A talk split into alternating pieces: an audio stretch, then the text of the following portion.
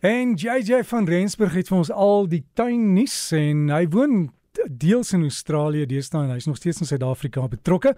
En hy vertel vir ons alles oor wat ons in die tuin moet doen en julle seisoen is daarom dieselfde as ons in ons suidelike halfrond uh, eh, JJ en dis tyd om tuin te maak. Ek sien in Suid-Afrika dis amper winter nog nie heeltemal nie Man, laat ek vir jou sê ons winters is ook so lekker koud, maar ek dink ons somers is baie warmer as wat dit in Suid-Afrika is. Maar nou ja, daar's ook wel groot gedeeltes in Suid-Afrika wat net so lekker warm kan word. Ek sou bly ons het 'n bietjie die scatterkill for weeds het ons net genoem want dit is 'n uh, lekker produk om te gebruik wat mense hoef aan te maak nie. So as jy ooit uh, onkruid op jou grasperk wil behandel, is dit 'n goeie produk om daarvoor te gebruik. En dit sal al die onkruid aanspreek, né? Nee? Ja, al die onkruid aanspreek. Hy het 'n baie wye spektrum wat hy doodmaak sonder dat hy jou uh gras self gaan affekteer. Maar weer eens soos jy altyd sê, hou by die aanwysings. Moenie probeer om dit te oordoen nie. Ja, meer is nie altyd beter nie. Nee, gelukkig glad nie. Ja, maar meer blare in jou komposhoop is beter, né? Nee. Daar hy meer blare in jou komposhoop en meer wurms daarin.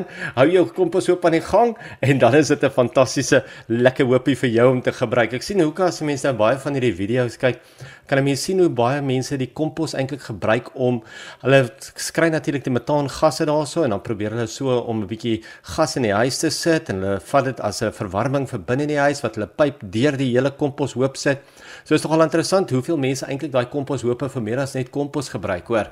Um 'n mens moet eintlik 'n bietjie gaan navorsing doen daaroor en dan kan jy 'n gedeelte van jou huis se uh, krag eintlik van jou kompos af hardloop.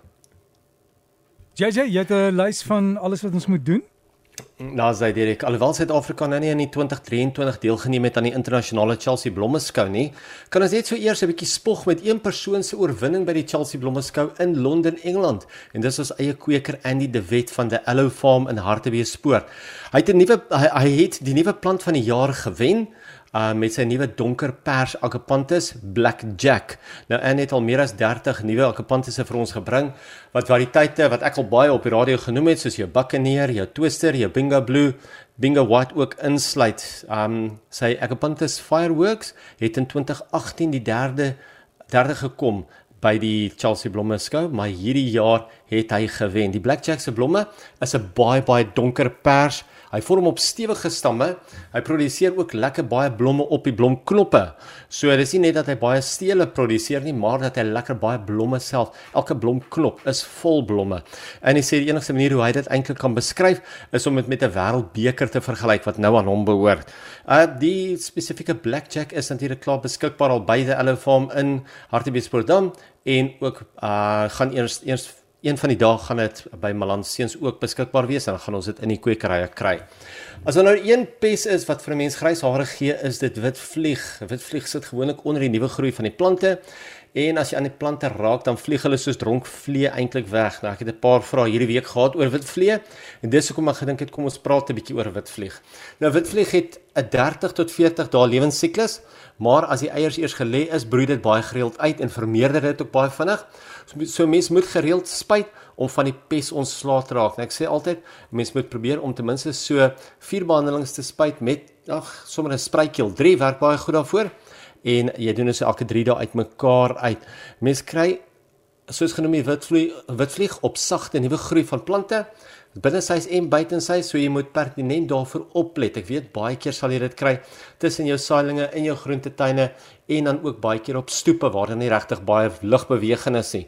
So as jy wonder of jy witvlieg het, kyk veral onder op die nuwe groei van jou plante en natuurlik ook baie belangrik as jy dit sou behandel vir alles wat in die tuin is omdat jy dit hulle onder op die nuwe groei van die blare sit of van die plante sit moet 'n mens letterlik probeer om hom van onder af te spuit. So dit is nou waar 'n spuit kan met 'n lang spuitarm eintlik baie maklik werk wat jy hom laag kan hou, op kan spuit boontoe en agteruit kan beweeg laat jy hom nie eintlik in die uh chemikalie of in die plaagbeheermiddels se drif in beweeg nie.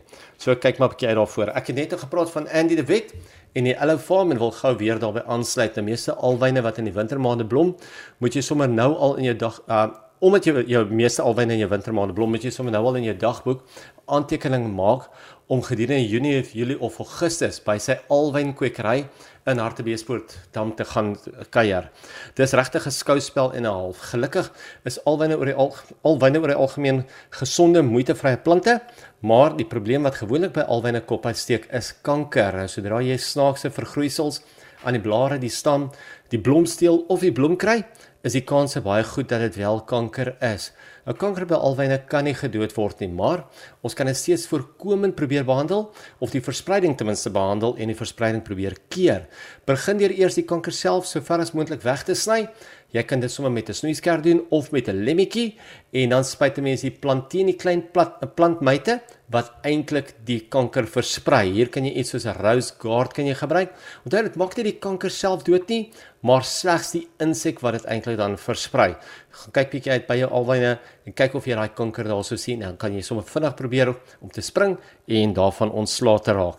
Ons plant van die week vir die week is 'n palm en is meer spesifiek die bamboespalm Dipsus lutescens. Nou die palm maak pragtige lowergroen, fyn tropiese blare op geel stamme. Baie mense ken natuurlik 'n bamboespalm en baie mense het hom al probeer. En ek het toevallig twee van hulle by my op die oomblik. Fantastiese binneshuise plante om te gebruik. Hy word oor die algemeen binneshuise binneshuis gekweek in 'n lekker warm helder lig posisie, maar nie in die warm vol son nie. So jy sit hom nie teen 'n venster waar hy deur die venster eintlik gaan brand nie. In warmer tropiese streke kan jy hom buite plant en dan kan hy meer son hanteer, want onthou dan gaan hy ook bietjie meer ligbeweging kry en dan gaan die son hom nie so uh sleg affekteer nie. Afhangend van jou pot se grootte binneshuis sal sy groei beperk wees, maar buite in die tuin kan hy maklik so om en by 4 meter hoog groei. As daar 'n plant is wat dit haat om oor water te word, is dit die spesifieke palm wat slegs nat gegooi moet word as hy wel droog is. So gaan kyk bietjie uit. Vra by die kwekery, waar is julle bamboespalms? Hoe lyk die Dipsus lutescens? En dan kry jy vir jou enetjie vir vir binneshuis. Uh, JJ, hulle noem hom die wat is die golden cane by julle nê? Wat is die naam hier in Suid-Afrika? Dis korrek, ja. ja, nee, Suid-Afrika sê bamboespalm of 'n bamboo palm, maar in Australië word hy 'n golden cane genoem. Ja, so leer ons maar alles van voor af jong. En hy is bietjie sensitief vir koue, nê? Hy is 'n bietjie sensitief vir koue. Nie dat hy soms sal um, doodgaan nie, maar jy sal baie van sy blare kry, kry laat sy blare self wegvrek.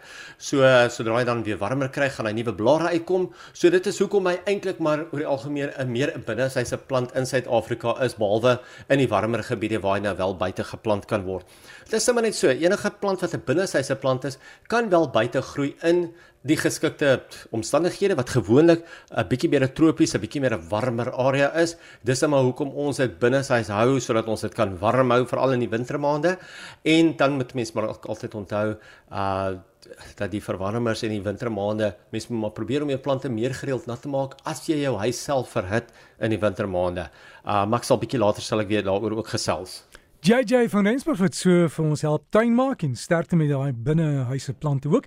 En uh, as jy wil kontak maak, uh, jy kan maar net vir my e-pos, ek sal vir JJ aanstuur, is dbrsg.co.za. Maar lekker tuin maak.